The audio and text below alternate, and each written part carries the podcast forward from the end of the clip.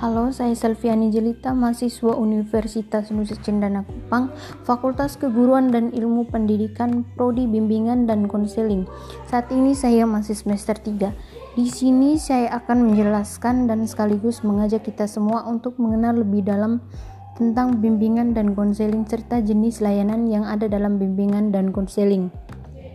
Baik, yang pertama adalah layanan orientasi. Layanan orientasi adalah layanan yang membantu peserta didik untuk mengenal dan memahami keadaan dalam situasi yang ada pada lingkungan sekolah yang baru dimasukinya. Agar peserta didik lebih familiar dengan sekolahnya sendiri, maka ia perlu mengetahui lebih jauh tentang berbagai fasilitas dan program-program yang ada di sekolahnya. Tujuan dari layanan ini adalah agar peserta didik dapat beradaptasi dan menyesuaikan diri dengan lingkungan baru secara tepat dan memadai. Yang kedua adalah layanan medi mediasi.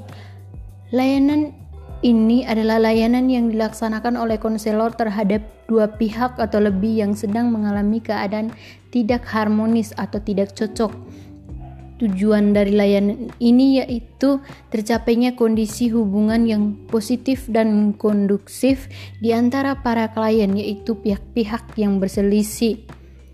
Adapun tujuan khususnya yaitu difokuskan kepada perubahan atau kondisi awal menjadi kondisi baru dalam hubungan antara pihak-pihak yang bermasalah. Yang ketiga adalah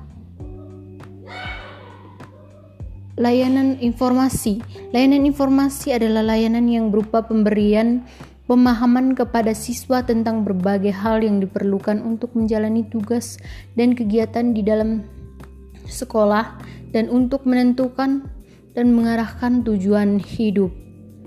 Yang keempat adalah layanan bimbingan pengeluhan. Layanan ini merupakan suatu aktivitas wawancara yang dilakukan oleh seorang ahli kepada individu yang sedang mengalami suatu masalah dalam rangka untuk membicarakan dan memecahkan masalah yang sedang dihadapi dan memberikan bantuan kepada mereka, sehingga pada akhirnya bermuara pada teratasi masalah yang dihadapi oleh klien dan dapat beradaptasi dengan baik dan efektif dengan lingkungan hidupnya. Yang kelima adalah layanan pembelajaran. Layanan pembelajaran ini adalah layanan yang diberikan kepada siswa agar siswa mampu mengembangkan sikap dan kebiasaan baik. Pembelajaran adalah proses yang dirancang untuk membawa siswa aktif dalam suasana belajar yang penuh makna, merangsang siswa untuk mengali, menemukan, dan menguasai materi pembelajaran. Yang ketujuh, layanan bimbingan kelompok. Layanan bimbingan kelompok adalah layanan yang diberikan kepada sekelompok siswa, baik ada masalah ataupun tidak ada masalah. Bimbingan kelompok dapat dilakukan dengan permainan tertentu, atau juga dapat berupa diskusi kelompok dengan membahas masalah topik tertentu.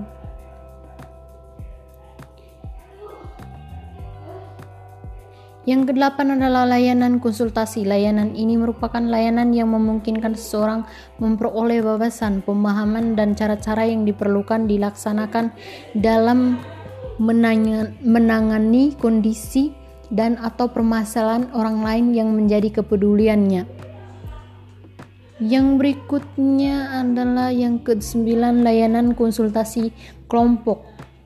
Layanan konseling kelompok adalah layanan bimbingan dan konseling yang diberikan kepada sekelompok individu. Keuntungan dari layanan ini adalah dengan satu kali pemberian layanan telah memberikan manfaat atau jasa kelompok kepada or orang. Sekian dari saya, terima kasih.